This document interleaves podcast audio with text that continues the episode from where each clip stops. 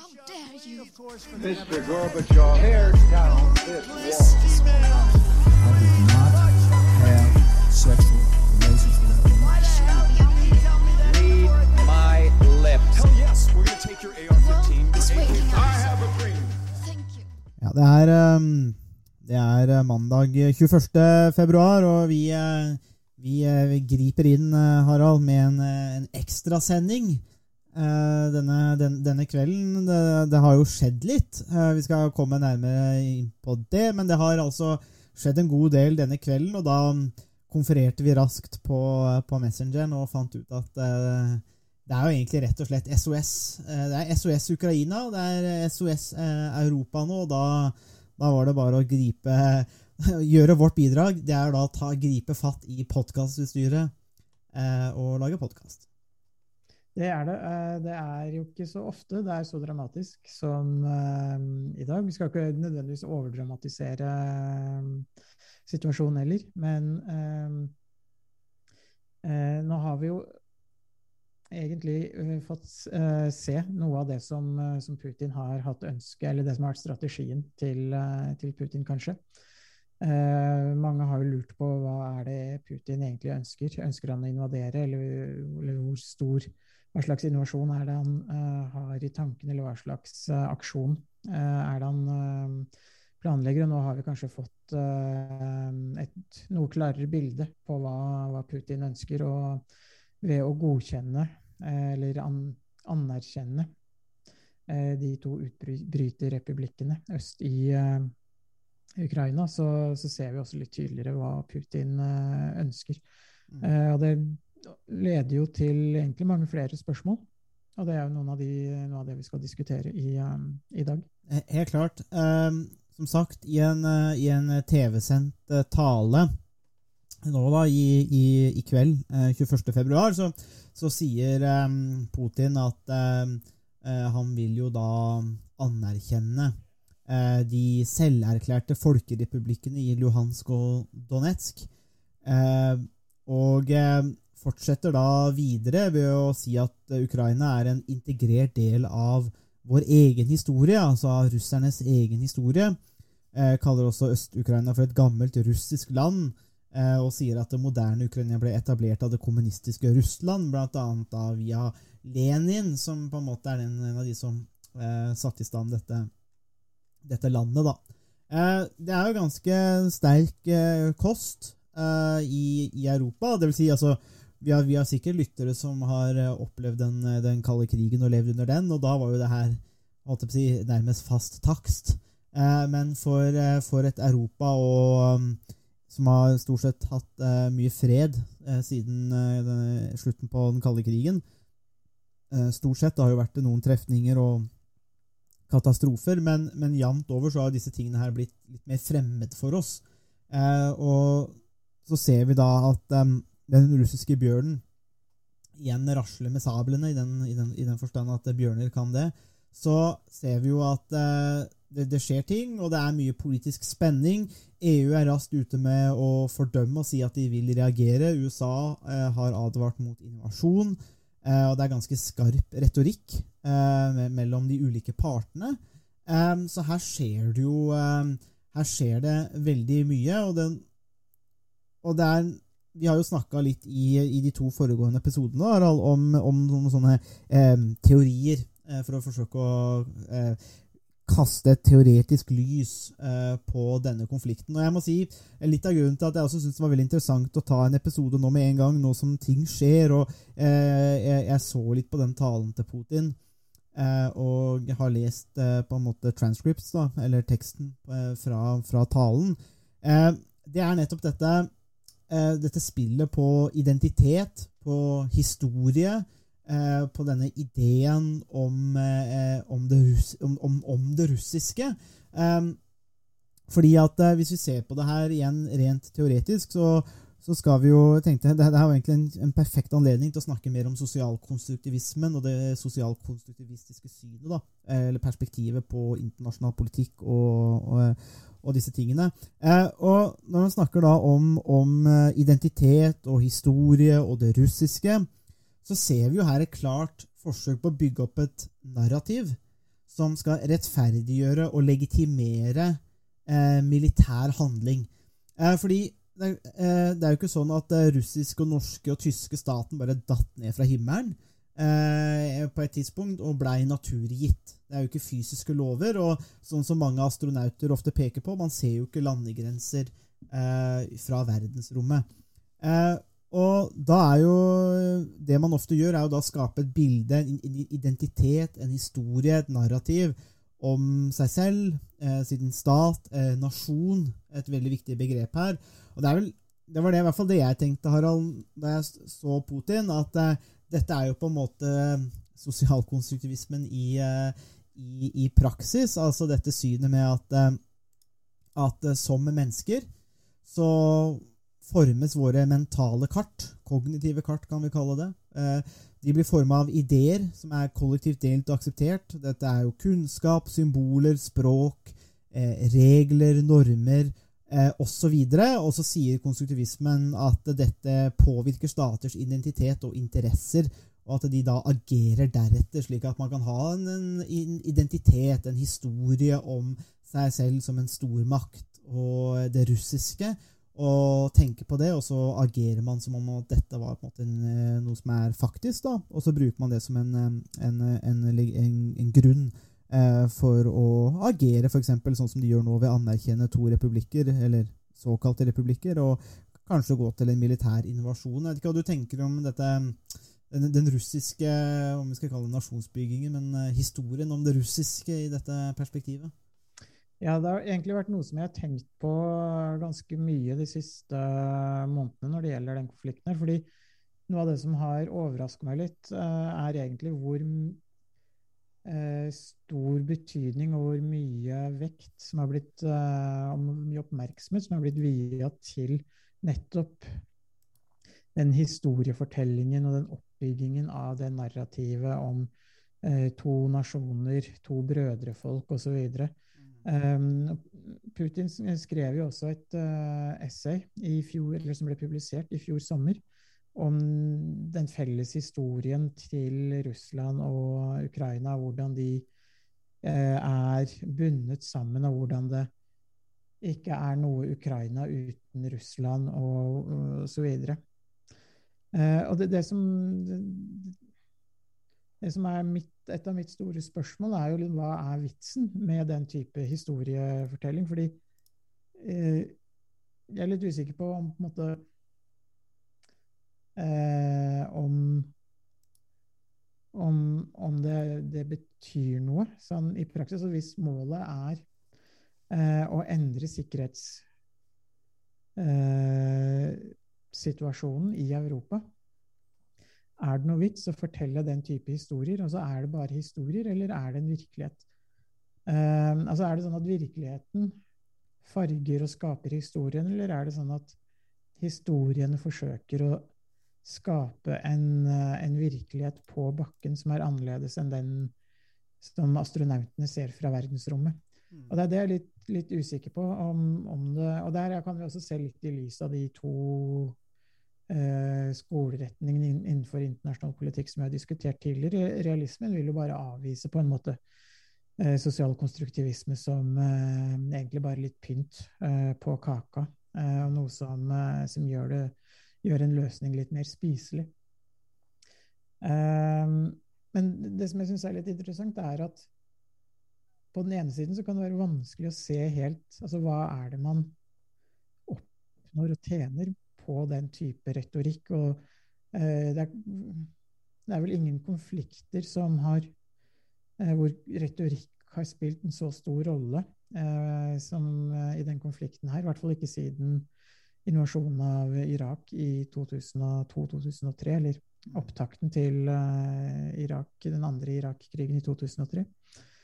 Eh, Men det, det man ser, er at også i 2002-2003, før invasjonen av Irak, så brukte jo USA veldig mye energi på en historiefortelling. Og det samme har Russland gjort eh, nå i år, over flere måneder, nesten et år.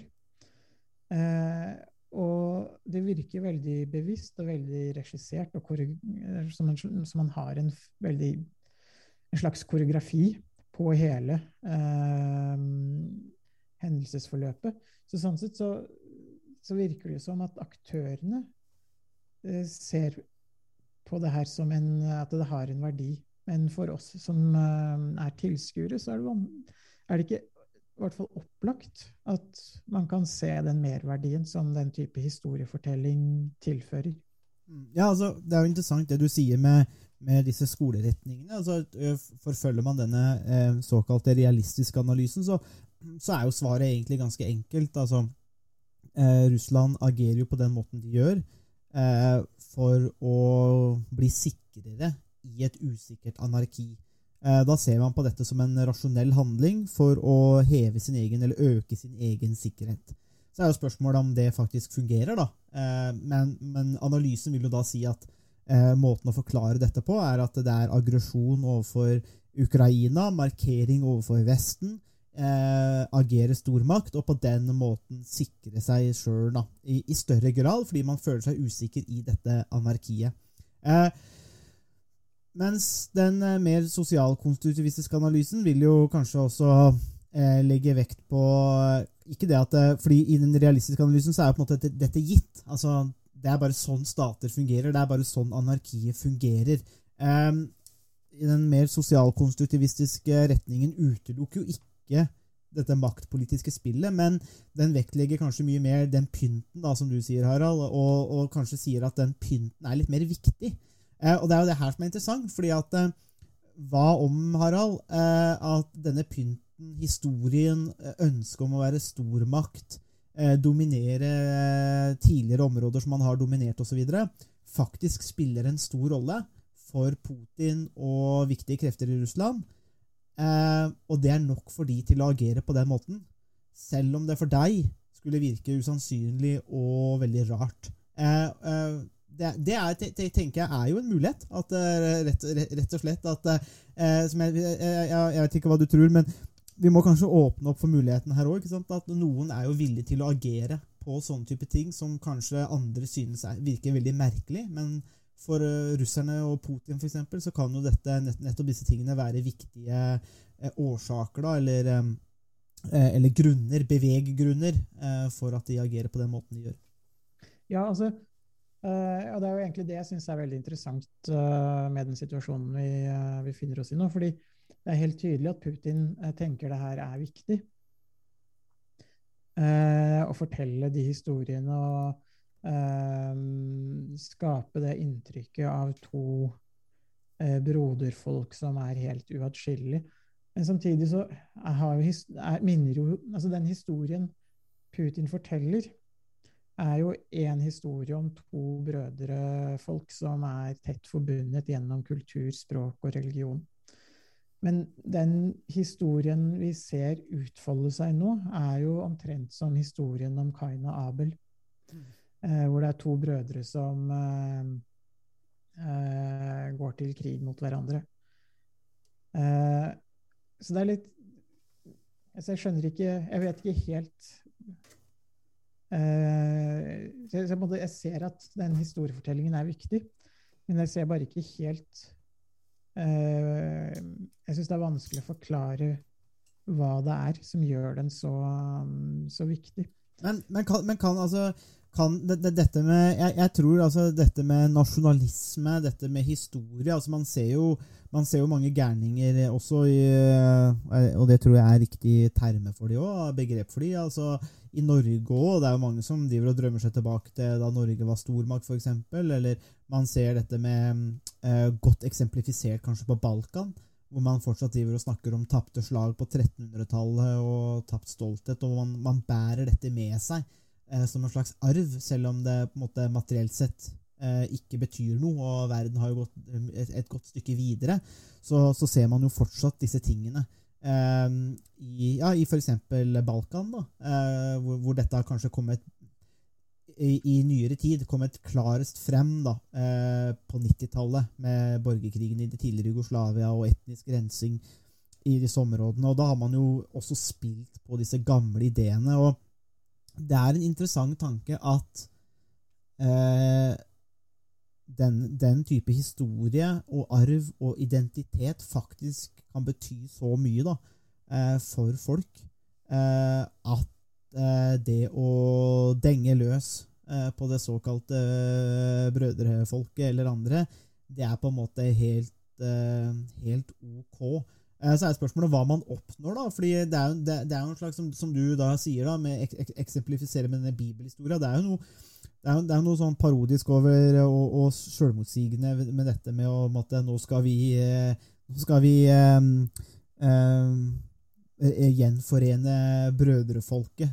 Eh, men det går da på bekostning av den ene broren, eh, som da må avgi land. Eh, og, og egentlig gi ganske mye, da.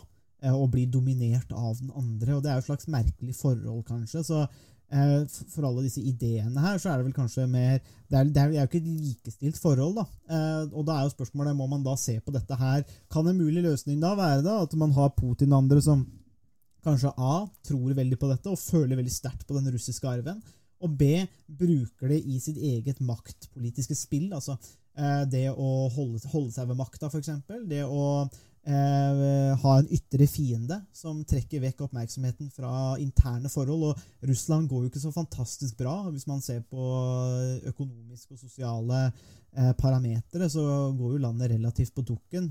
Eh, og da er jo spørsmålet eh, er, det, er, det, er det en god taktikk? Er det rasjonelt å henlede oppmerksomheten vekk fra det som er problematisk, og heller prøve å spille litt på dette med nasjonalisme og historie og storhet? Eh, litt sånn brød- og sirkuseffekt, eller kanskje eh, spille på litt dette med Marx, som at religion er som opium for folket, men kanskje nasjonalisme eller eh, grandiose historiefortellinger er som, er som opium for folket. Ja, jeg har til og med lyst til å kanskje sammenligne det litt med eh, noe av det som OL kanskje kan gjøre med mange altså Jeg er jo veldig glad i idrett sjøl, men eh, man kan jo tenke litt på dette med, med, med f.eks. hva idrett gjør med mange mennesker. Da, at man glemmer eh, realiteten, nærmest, om man kan bruke det i den forstand. Så, så kanskje det er Liverpool er jo et godt opium. eksempel eh, på det. Ja. Eh, Eh, En av Englands eh, fattigste byer, ja. hvor fotballen betyr mer enn noe annet. Ja, og det er jo, og det er jo, det er jo ikke noe som er vakrere enn en, en, eh, en, en liga eh, full av fotballklubber hvor mennesker spinker og sparer gjennom hele året for å få råd til å gå på fotballkamper, for da å se 22 millionærer, eh, mange millionærer, eh, eller millionærer som blir, blir, blir jo millionærer per, for hver uke, eh, går rundt og, og, og sparker en ball. Det er jo noe som er det er, det er noe djupt vakkert og menneskelig ved, ved, ved, ved den eh, sporten. Det, det er eh, rørende. Ja, da, da, ja. Eh, Men, men før vi måtte gjøre dette til en episode om, eh, om, om engelsk fotball, eller kanskje fotball generelt, hva tenker du om akkurat den der, den der det, altså, det, det, det perspektivet her, da, om at det kanskje Putin og, og Russland også bruker det som en slags, et slags opium, og henleder oppmerksomheten vekk, og at dette egentlig har med litt mer sånn øh, øh, På en måte kanskje rasjonelle, men maktpolitiske prioriteringer, da. Ja, eh, jeg, eh, jeg har sett at det argumentet har blitt brukt i en del sammenhenger og en del analyser av mm, den konflikten som eh, vi er vitne til nå. Det som gjør at jeg er litt usikker på styrken til det argumentet, er at det virker som Putin har ganske god kontroll eh, internt. Eh, I hvert fall tilsynelatende. Eh, Det er ingen opposisjon. De er enten eh, døde eller i fengsel. Mm. og mm, eh, de gangene som det har vært eh, opptøyer eller demonstrasjoner, så har det blitt slått ned ganske, ganske brutalt. Eh, så jeg er, litt, jeg er litt usikker på om Putin trenger å bruke nasjonalisme for eh, å eh, en, man trenger å bruke eh, konflikten og ha en ytre fiende for å, um, å holde seg til makten i, i Russland. Men eh, så jeg er litt usikker på om det på en måte er et om hvor viktig, eller om det kan forklare eh, så dramatiske og drastiske tiltak eller politikk som det Putin iverksetter nå i forhold til, eh, til Ukraina. Men eh, jeg, tror ikke man skal på en måte undervurdere betydningen av nasjonalisme og eh, nasjonens ære, og at Putin også kanskje er opptatt av eh, ettermælet sitt. Nå har han vært, eh, hatt makten i Russland i eh, over 20 år. Eh, og han kan vel ha makten fram til 2034, i hvert fall, ifølge Grunnloven. Og da vil han vel være Han er vel 69 år nå. Så da vil han jo være over 80 år. Eh, Ja, men det er jo en moden alder for eh, Og hvis man går til Sovjets historie, så er jo 80 år det er bare ungdommen for å ta over et land. det, det er jo det, og vi kan jo se på USA også, som har hatt to ganske gamle presidenter nå. fra Knapt 2016. myndige. Absolutt. Livserfaring, vis, vi, visdom og Ehm, Men ja, så jeg, jeg vet ikke helt. Altså ehm, det, det kan hende at eh, det her er, det også er en kombinasjon av mange årsaker, eh, hvor det med indre Det å ha en ytre fiende er ett av mange elementer som er med på å eh, på å forklare hvorfor man er i den situasjonen, og at det kan eh, være gunstig både for ytre og indre eh, skal, skal jeg si, sikkerhet for, eh, for Putins del. Mm. At det er det som, som vi ser på en måte en kombinasjon av en slags perfekt storm av ytre og indre omstendigheter som gjør den politikken eh, til en, eh, en rasjonell strategi. Ja, Det er jo lov å ta Putin på ordet òg, når han sier at, eh, at Ukraina er en del av Stor-Russland. eh, Og, og, og disse tingene. Det trenger ikke å ligge noe eh, andre motiver bak, annet enn at han eh, også tror på dette helt seriøst. Det er jo, det er jo fullstendig mulig, sjølsagt.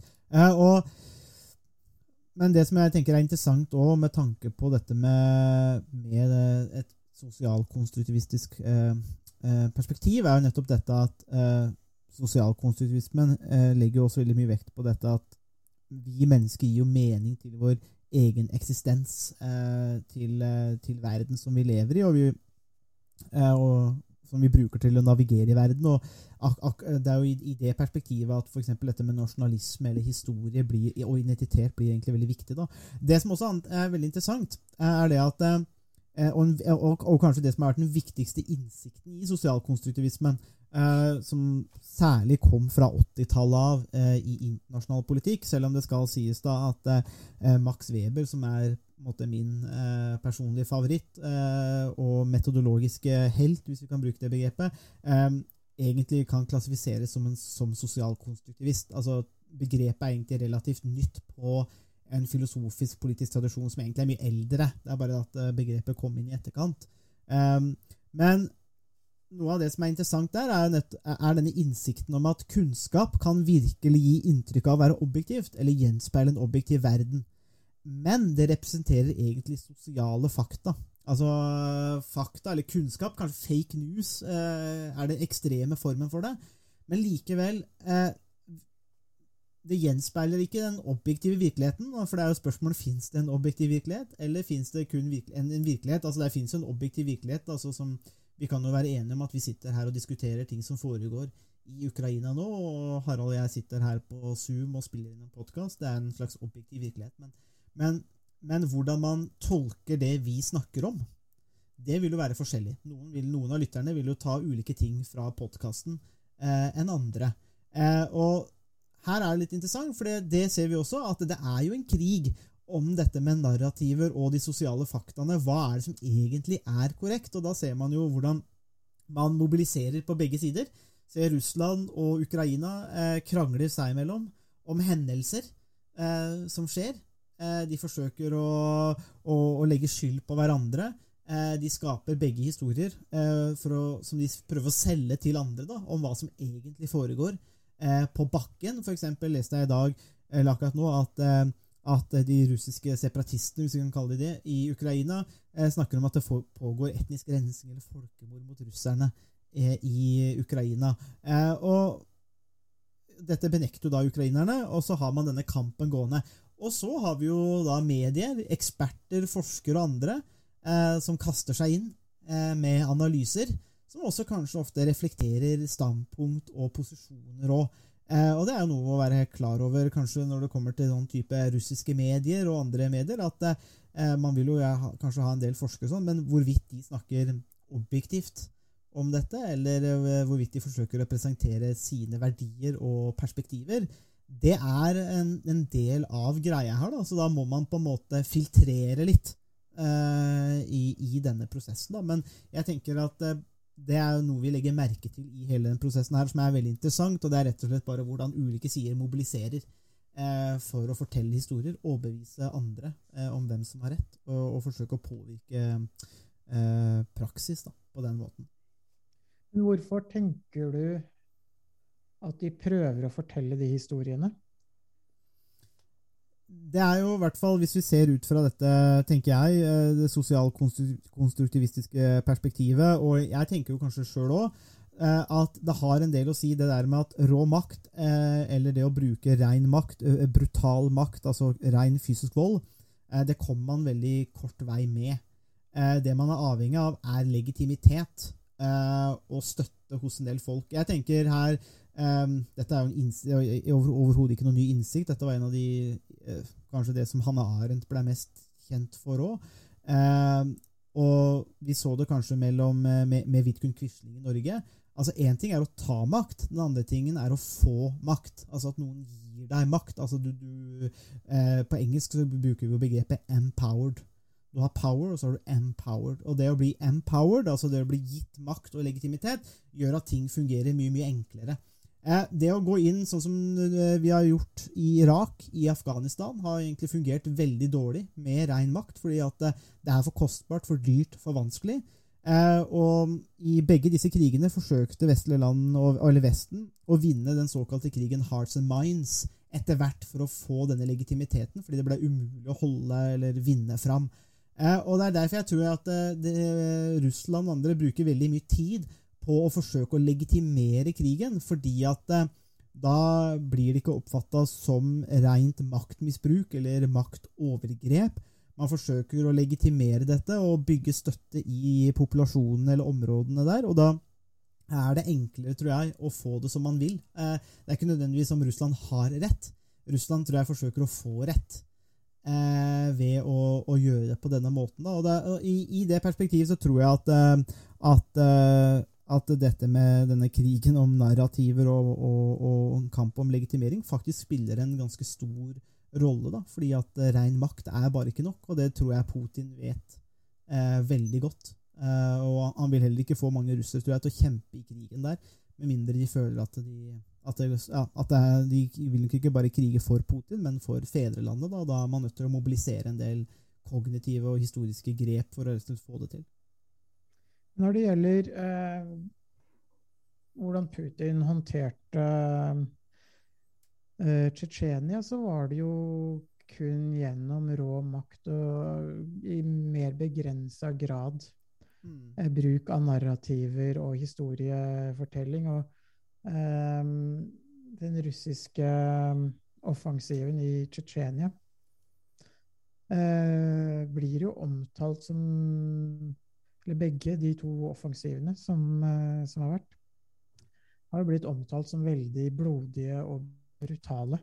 Eh, hvor det egentlig bare var eh, bruk av rå, rå makt. Eh, tror du at Putin har lært noe eh, fra de to eh, offensivene? Eller at det, de, det er en helt annen situasjon mm, Putin står overfor i forhold til Ukraina? Jeg vet ikke hva du tenker, eh, Harald, men kan det være en- Og jeg må si at jeg, jeg har ikke jeg, jeg, da, da må jeg lese meg opp litt på Tsjetsjenia. Altså, nå sitter vi jo på en måte med taler som skjer live, egentlig. så Det er litt enklere å forholde seg til Ukraina. Dette med all retorikken og diskusjonen rundt Tsjetsjenia husker jeg ikke godt nok, egentlig. Det må, man jo analysere eh, å, i, i, i detalj. Jeg skal ikke uttale meg så mye om det, egentlig. Eh, en spekulasjon som jeg kanskje har lyst til å slenge fram, er jo hvorvidt Tsjetsjenia har på en måte vært har betydd nok, egentlig, altså for eh, la oss si Vesten. da, Om man har vært villig til å se mer mellom fingrene når det kommer til Tsjetsjenia, mens Ukraina er så nærme eh, Europa eh, og Vesten at situasjonen er annerledes. Eh, det kan også tenkes og at dermed så blir dette en helt annen situasjon da, Eh, fordi at eh, det, er, jo- en del kritikk av del, det er- noen perspektiver i internasjonal politikk som kritiserer særlig, særlig vestlige stater, som sier at Vestens moral er dobbeltmoral. Eh, og noe i, noe i det jeg tror jeg det ligger, eh, i den forstand at når konflikten kommer nærme nok Europa, og kanskje dette egentlig bare er helt naturlig, så stiller situasjonen seg helt annerledes. Og jeg tror også at Putin må agere annerledes. Ukraina er jo også et mye større land. Eh, Det er vel det nest største landet etter Russland i, i Europa. og eh, det, det har mye mer eh, Ja, det, er, det, det, spiller en mye, mye, mye viktigere rolle enn Tsjetsjenia. Så jeg tror det så situasjonen bare er annerledes eh, enn en for eh, tsjetsjenerne. Eh, så jeg tror at eh, den samme type voldsbruken tror jeg ikke er mulig, og den tror jeg også vil bli enda mer altså, mye blodigere. Eh, for det er større områder, større land, flere mennesker. Eh, Tsjetsjenia vet jeg ikke, men det er i hvert fall ganske mye mindre enn en, en Ukraina. da. Så jeg, jeg, vet ikke hva du tror om den, akkurat det perspektivet der, at kanskje Ukraina det betyr mer for Vesten nå, da, for, eller Europa, enn det Tsjetsjenia gjorde. på en måte, Derfor så er man også villig til å stå opp mer mot Putin da, når det kommer til Europa. Eh, og Ja, altså En viktig forskjell er jo at uh, i Tsjetsjenia så har man ikke nødvendigvis det samme eh, kulturelle, historiske og religiøse eh, fellesskapet som eh, Putin i hvert fall argumenterer for at man har med, med Ukraina. Eh, så det er noen viktige forskjeller eh, mellom eh, Tsjetsjenia og, eh, og dagens situasjon i, uh, i Ukraina. Mm. Eh, men det er, altså- også tenkt på, det, er- det er også en del interessante altså, Nå har vi brukt en del tid på, måte, de mer sånn overordna forklaringsmodellene eh, om hva som, eh, hva som skjer, om måte, virkeligheten blir konstruert, eller om det er virkeligheten som, som forteller oss eller gir oss ideene, ideer og, Mm. og narrativene. Men det her har jo også en del veldig sånn konkrete og praktiske eh, implikasjoner også, eh, som er litt interessante. Noe som, eh, som er litt interessant eh, i den forbindelse, er jo at eh, separatistene i de to eh, regionene det er snakk om, de kontrollerer ca. en tredjedel eh, av arealet eh, som de, de to regionene som nå mm, blir erklært uavhengige, eh, som består av. Og da er jo spørsmålet hva skjer med de to tredjedelene som Ukraina eh, kontrollerer i dag? Mm. Vil de bli eh, Altså vil, vil resten av regionen, de to regionene bli annektert, og så vil det være offensiven som Russland igangsetter for å få kontroll over hele eh, området til de to regionene, eller vil eh, vil de to uavhengige regionene bestå Eller vil grensene være der som grensene Mm. Eh, går i dag? Det er jo ett et spørsmål eh, som, er ganske, eh, som er ganske åpent, og som har stor betydning for hva som vil skje de neste dagene og, og ukene. Mm. Og, det, og akkurat det du sier der, det er kanskje det som er litt av frykten i Ukraina òg. Altså, hvis du gir fra deg på en måte, la oss si en tredjedel av området der, eller, eller, eller hele regionen og grensen der de går, eh, hva er det som da skulle stoppe Russland eller separatistene fra å kreve enda mer land? Fra å si at nei, men vi eh, Egentlig, jeg, eh, sier Putin, jeg glemte bare å si det i den talen i februar, så er Øst-Ukraina og det som er skapt av Lenin, det går egentlig enda lenger. Eh, jeg bare glemte å si det, eh, det i del én, eh, men i del to så kommer den ordentlige historiefortellingen, og det er at eh, Storrussland er egentlig enda større. Eh, og det, det, det, det tenker jeg kanskje det ukrainerne tenker på, at eh, hvis du først gir fra deg området av det som skal være altså et suverent land I Norge så står det jo også i Grunnloven at Norge er et udelelig rike. Eh, og det, er noe med det at eh, hvis du begynner å dele det opp plutselig sånn, eh, kan det hende at ukrainerne at det hadde gått bra hvis de hadde sagt ta den ene tredelen eller sånt, og bare stopp der, og så slipper vi unna. Men frykten er vel at uh, idet du starter der, så hvor stopper det? Sant? Hvor stopper det idet du begynner å gi fra deg land og områder? Og som du sier, la oss si ja, de kontrollerer to tredeler, da. Og dette er også ukrainere. Hvordan skal du få dette her til å fungere uh, i, i praksis? Um, det der, det, og det der er jo ikke lette spørsmål. Nei, og, og det, det er jo noe av det som tyder på at uh, den konflikten her vil jo vare, fortsette å vare i mange, mange år til. Uh, fordi man vil ha mange praktiske problemer. Altså hva vil det være mulig for de som ønsker det i de to utbryterrepublikkene, å flytte til, eh, til Ukraina? Eh, hva slags eh, betingelser vil eh, og muligheter vil det være for de som ønsker, ønsker det, eller vil det bli en slags ny Berlinmur, eh, nærmest, eh, hvor man på en måte bare fryser situasjonen?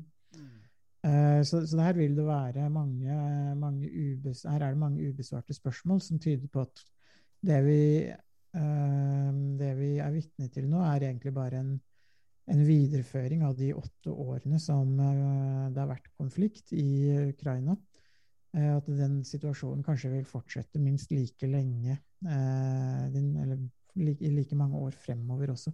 Mm. Så er det også det spørsmålet om hva som skjer med gassleveransene fra Russland til Europa, og hva som skjer med energiprisene. Det er jo, det er jo et spørsmål som har opptatt uh, omtrent eh, alle i Norge de siste eh, månedene. Mm. Og med en opptrapping av konflikten så vil vi kanskje kunne se uh, varig uh, høye energipriser, og at vi får en økonomisk situasjon som også kan minne mer om 70-tallet, hvor man også hadde det samme med en kraftig oppgang i energi- eller oljeprisene på begynnelsen av 70-tallet, som ga høy inflasjon over en eh, årrekke, eh, og som hadde eh, betydning for økonomisk tilbakeslag og, stagn og stagnerende økonomier i mange vestlige land. Mm. Ja, det er, og der, der vil du ha en del praktiske ting som du praktiske konsekvenser som du snakker om. Og Det blir jo spennende å se. fordi sånn som Tyskland for eksempel, er jo svært avhengig av russisk gass. Og Hvis EU skal slå ned med en del sanksjoner mot Russland, for eksempel, så blir det jo spennende å se hva som, hva som skjer der. Jeg tror at, eh, at den pisken er, eh, er atskillig hardere og større eh, og slås med mye større frekvens mot Russland enn mot Europa, sånn i, i, i, sum. Men det er også fordelen av å være en union og stå sammen, kanskje, versus et land som egentlig ikke har så fryktelig mye å by på annet enn naturressurser. Det er ikke så mye annet vi får fra russerne. Så det er jo annet enn dopa idrettsutøvere, da. Men det er jo Så det er ikke så mye å tilby der. Men det, det som jeg bare, bare vil tilbake til litt det der med eh, forholdet mellom de to statene sånn, eh, nå, nå som vi nærmer oss eh, avslutningen. Fordi at eh, eh, noe av det som jeg også har tenkt på, det er jo er denne, et av disse poengene da, eh, i sosialkonstruktivismen om at individer og stater blir skapt og gjenskapes i sine miljøer. og det tenker jeg er noe som er interessant her. fordi vi har jo fått eh, Ukraina, som eh, ble en selvstendig republikk etter eh, Sovjetunionens oppløsning. Eh, og har egentlig vært veldig russisk, eller nært hele Russland. Eh, og så får vi denne eh, perioden, da, eller dette tidspunktet, særlig 2008, hvor Ukraina søker om å få delta i Natos MAP-program, som er en slags handlingsplan da, for, for et fremtidig medlemskap i Nato. Eh, Dette stemmer også Tyskland og Frankrike mot, fordi at de synes dette er, ser, litt, eh, ser med skepsis på dette, da, med tanke på Russlands forhold. Og allerede der så ser vi kanskje at i Frankrike og Russland, i Tyskland så forsto man litt dette forholdet, som, eller denne konflikten som nå utspiller seg. Det, det, det visste man om. Og derfor, det kan man jo tolke Russland, nei, Tyskland og Frankrikes eh, eh, beslutning eh, om å stemme mot eh, som dette. At man visste om dette, så dette, dette er nok ikke nytt eh, for, de, for europeiske land og diplomater osv. Men eh, så, får vi, eh, så får vi en periode i 2013-2014 med altså Johnny Covert, som ikke vil eh, ha samarbeid med EU, men heller mot Russland. Han stilles da for riksrett i 2014. Eh, og vi får uansett eh, Og vi får Krim-annekteringen i, i februar for, i 2014.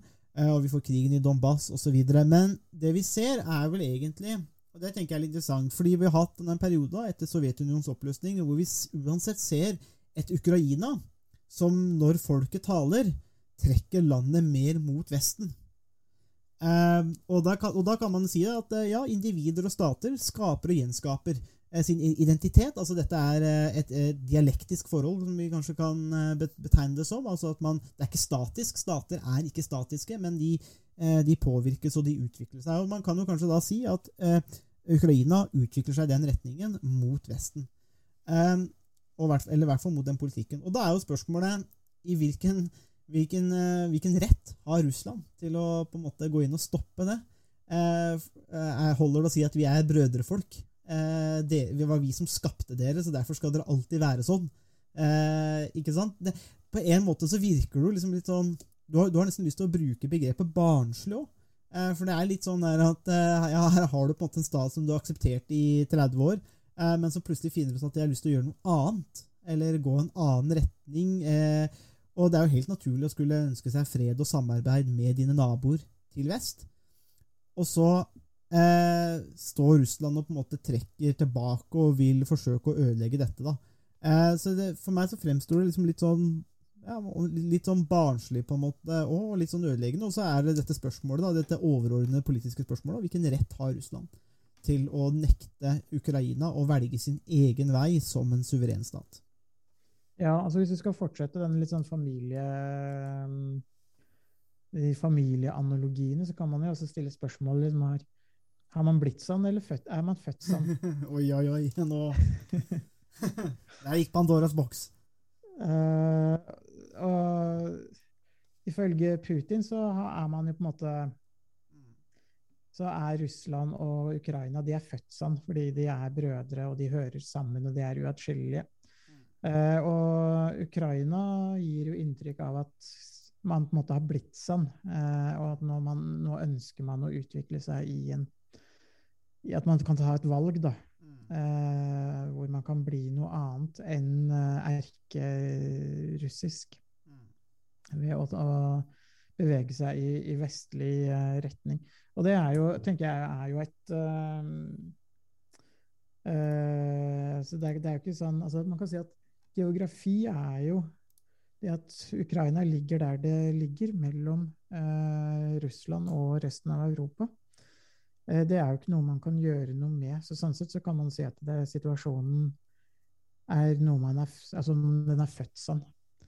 Eh, men samtidig så er ikke nødvendigvis geografi eh, skjebnen, eller på en måte helt sånn skjebnebelagt, at det, det, er noe som man ikke kan gjøre noe med. Altså, man kan bare se på Korea, eh, halvøya, eh, hvor eh, to land har eh, gått i hver sin retning. Så det er ikke sånn at geografi er, er noe som bestemmer all, for all framtid. Uh, men jeg tenker det du er inne på, er, er, jo veldig viktig, fordi det handler jo om statene Så det går jo litt tilbake til det vi var inne på innledningsvis også. Statenes selvråderett og suverenitet. Mm. Og i hvilken grad Ukraina skal ha mulighet til å bestemme sin egen, egen retning.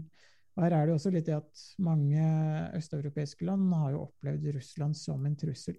Mm. Og det er jo kanskje noe av det som gjør at Ukraina ønsker å bevege seg i vestlig retning også. Det var jo tidligere, før annekteringen av Krim, bare 8-10-12% av befolkningen i Ukraina som var positive til uh, Nato-medlemskap. Mm. Og I dag er jo den andelen nærmere 50% i mange av undersøkelsene som, som har blitt gjort de siste årene og månedene. Mm. Og det, det, er jo en veldig tydelig, et tydelig, tydelig, tegn på at Russland er i ferd med å skape en ganske alvorlig familiefeide som det ikke ser ut til vil være så lett å, å, å løse, i hvert fall ikke med ytterligere voldelig eh, eskalering.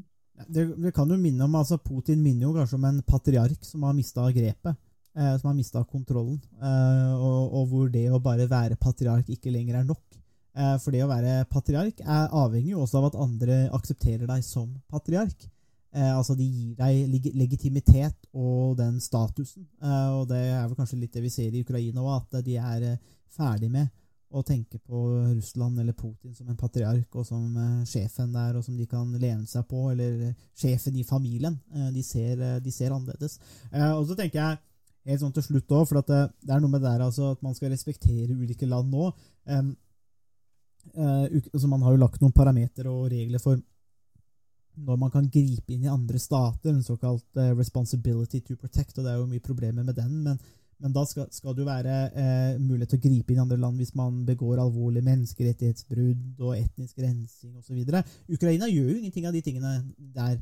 Uh, slik at her er det en annen stat som driver og skal begynne å tukle med interne, intern politikk fordi at de føler for det. Eh, eller at de føler at de vil oppnå noe politisk, da, men som da er på altså, et litt, sånn nullsumspill der. da.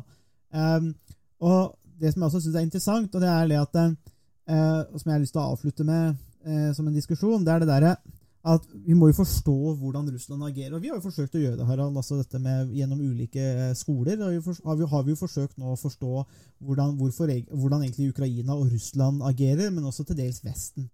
Um, og det, det er jo det, det, må man jo forsøke å gjøre. Eh, men det som jeg syns er interessant, eh, i, og liksom spesielt da, eh, med dette med Russland, og mange som, som, kanskje er litt mer om vi kan kalle det russiskvennlig, er det at det, det er, det er, Noen ganger så løper de den risikoen ved å si at ja, men vi må jo forstå hvordan Vesten oppfattes som truende og skumle for Putin og Russland eh, osv. Og, og den skjønner jeg, og jeg er jo mot eh, ekspandering av Nato. Eh, og er mer kritisk til hvordan de har operert på en viss grad. Og jeg skjønner at Russland oppfatter eh, eh, Nato som truende i et historisk perspektiv. Og Selv om jeg ikke tror at det kanskje er realiteten, men jeg skjønner hvordan Putin og, russiske myndigheter vil tenke om Nato. Jeg skjønner at en ekspandering inn til det de anser som sitt, sin influensesfære, vil trigge f.eks. Putin og russiske myndigheter. Det skjønner jeg. Men samtidig så føler jeg at noen ganger at det, den type forståelsen kan, hvis man ikke er forsiktig, kan gå litt sånn over at det, Men man tramper jo likevel, overkjører jo likevel en suveren stat. Altså bare, bare det at du deler felles historie, eh, kan da ikke legitimere, eller jeg syns det er veldig problematisk, om det på en måte skulle være en sånn Ja, men det er klart at Russland skal få lov til å at det er ting i Krim og i Østerfletta. De har jo vært brødrefolk, og de har jo skapt staten og, og alt så mye. Faktum er jo da litt det som du er inne på, Harald. Hva er realiteten? Og realiteten er likevel at du har en suveren stat der majoriteten av folket blir overkjørt. Altså, De blir ikke hørt, de, og, og, vi kan egentlig si litt sånn verdighet og suvereniteten deres blir jo krenka av en annen stat. Eh, slik at eh, Forståelse her er jo, er jo, egentlig veldig viktig, men jeg tror det er også veldig viktig å sette ned foten for den eh, for den handlingen. Og egentlig eh, litt, uh, tror jeg da at uh, fordi ja, det, det, det, føles bare veldig feil. altså man skal jo, For å legge noe normativt slag inn, inn til den siste delen av diskusjonen her, så vil, vil, jeg jo si at sånn normativt, verdimessig, så reagerer i hvert fall jeg svært negativt på, på Russlands uh, framstøt. Rett, rett, og slett fordi det krenker jo en suveren stat og det folket som bor der, uh, og griper inn i deres eh, politikk på en måte som ikke er rimelig. Eh, det kommer ikke gjennom forhandlinger. Det kommer med trussel om invasjon og trussel om ødeleggelse av landet. Og det ja, jeg, jeg synes det er eh, akkurat det, det synes jeg er veldig eh, er problematisk, og kanskje også det som gjør situasjonen da, så alvorlig, faktisk. Uten å måtte skulle være alarmister, så tenker jeg at det er ganske alvorlig, da. Um, ja, uh, uten tvil. Og det er jo, det er jo derfor det, det, her er jo den alvorligste situasjonen som uh, Europa har stått overfor på, på, over 30 år, egentlig. Um, og det er jo egentlig veldig interessant å forsøke å, liksom, for, forsøke å forstå hva som er Hvordan Russland vurderer situasjonen, og hvorfor man har måtte, havnet i den situasjonen her i, i det hele tatt. Um, og det er veldig mye som kan virke litt irrasjonelt eh, på mange måter. Og, det kan jo også være Det er jo også delvis eh, amoralsk, eller til og med eh, umoralsk, å gripe inn i andre stater på, på den måten som, eh, som Russland um, Så Men jeg vet ikke. Altså, jeg syns um, Altså, er det Kan det likevel være verdt det? Eh, for Russland sin del. Eh, fordi man er jo klar over mange av konsekvensene som vil kunne komme med når det gjelder sanksjoner, og det at man blir, man blir eh, Russland blir jo nærmere Iran enn på en måte gjennom sanksjoner og det at man blir en litt sånn paria, og man blir litt degradert i det internasjonale systemet. Men likevel så, så står Putin og Russland på, på sitt. Eh, og de, de, har ikke Det som er litt bemerkelsesverdig, er jo at det, det har ikke vært eh, noen særlig grad av imøtekommenhet. Eller ofte så kan man kanskje si at to parter som forhandler eller er uenige, de vil kanskje komme med noen kompromiss. Eh, men Russland har jo presentert jo tidlig eh, det de kalte for red lines, som var liksom Her går grensene. Mm. Eh, og de har ikke vært villige til å fire eller gi noe i forhandlingene tilsynelatende heller. Mm. Så, så, det er, liksom, det er en, en, en, situasjon som er vanskelig å, å forstå også, fordi det er hele veien så er det er det en del eh, egentlig paradokser som kan virke irrasjonelle fra et vestlig perspektiv, eh, og som gjør at vi kanskje Jeg vet ikke, altså er det, er det noe vi fundamentalt som vi ikke har forstått med Russlands posisjon og Russlands situasjon? Mm. Altså Uavhengig av at Putin kanskje er Eh, eh, eksentrisk, for å si det med en eh, eufemisme. Mm. Nei, altså, det kan jo hende. og jeg, jeg, har stor forståelse for det derre For perspektivet og, og, og, argumentene om at vestlig ekspansjon virker truende.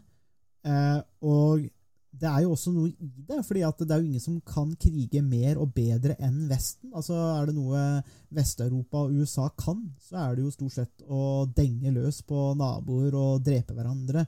Eh, det er ingen som gjør det så godt eh, som, som, vi har gjort eh, her i Vesten. Og det er jo, ikke, er jo ikke noe rykte å være stolt av på mange måter. Ehm, så jeg skjønner jo at på en måte at det kan virke truende, for vi skal jo ikke late som at Vesten og vestlige land og USA og Nato er en slags, bare en sånn gjeng med good guys som eh, bare er ute, som med altruistiske formål, og som aldri er slemme. Eh, så jeg skjønner jo på en måte det Hvis det er det Putin og Russland frykter, så kan jeg jo for skjønne altså, jeg kan jo for skjønne hvor de kommer fra. Eh, hvis det er det perspektivet, men det rettferdiggjør jo ikke handlingene.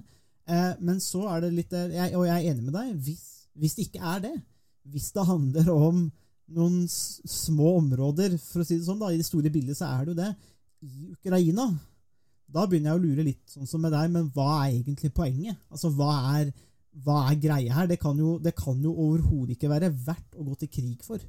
Eh, hadde det vært altså, jeg, jeg, jeg, Det er vanskelig å skjønne altså, hva, hva, man egentlig oppnår med det. Så, eh, og i, i, begge tilfeller så virker det litt sånn håpløst. For på den ene måten så er det en slags abstrakt idé om stormakt og motstå Vesten og Nato. Så da, da agerer man på en måte for å liksom ja, ha makt som kanskje bare betyr noe i historiebøkene eller blant akademikere som snakker om stormaktspolitikk i et slags abstrakt perspektiv og ikke har noe å si for folk.